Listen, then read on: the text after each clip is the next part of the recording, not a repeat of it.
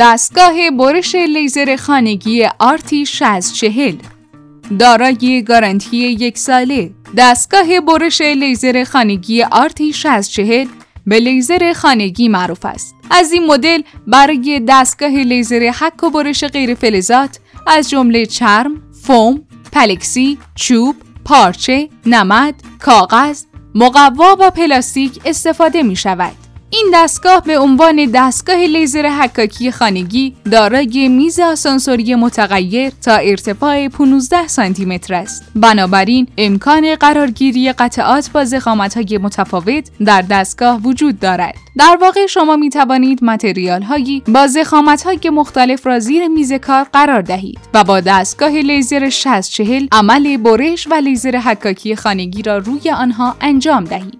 دستگاه برش لیزر و خانگی آرتی 6040 در زمینه های صنعتی برای حکاکی و برش لیبل، برچسب، پلاک، سریال و غیره بر روی قطعات رنگی و غیر فلزات استفاده می شود. در زمینه تبلیغاتی برای تولید و حکاکی جاکلیدی، سررسید، خودکار، تندیس، فلش و غیره کاربرد دارد.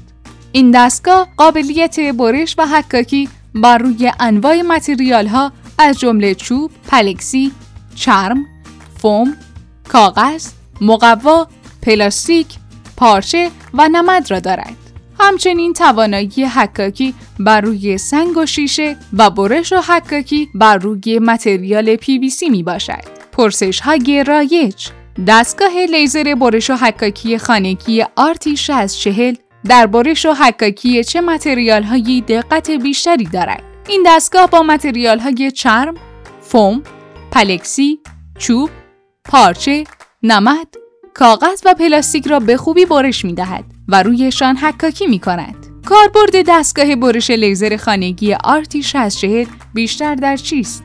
دستگاه 6040 در حکاکی برش لیبل، برچسب، پلاک، سریال و غیره بر روی قطعات رنگی و غیر فلزات استفاده می شود. همچنین در زمینه های تبلیغاتی مانند حکاکی روی جای کلیدی، سررسید و خودکار هم از استفاده بالایی دارد. نشانگر لیزری چه کاربردی در دستگاه برش لیزری خانگی دارد؟ اشعه قرمز رنگ نشانگر لیزری با نشان دادن محل دقیق برش و حکاکی از هدر رفتن متریال جلوگیری می کند. همچنین می توانید محل قرارگیری طرح مورد نظر را روی متریال مشخص کنید. چه متریال هایی را می توان با دستگاه آرتیش 6040 برش و حکاکی کرد؟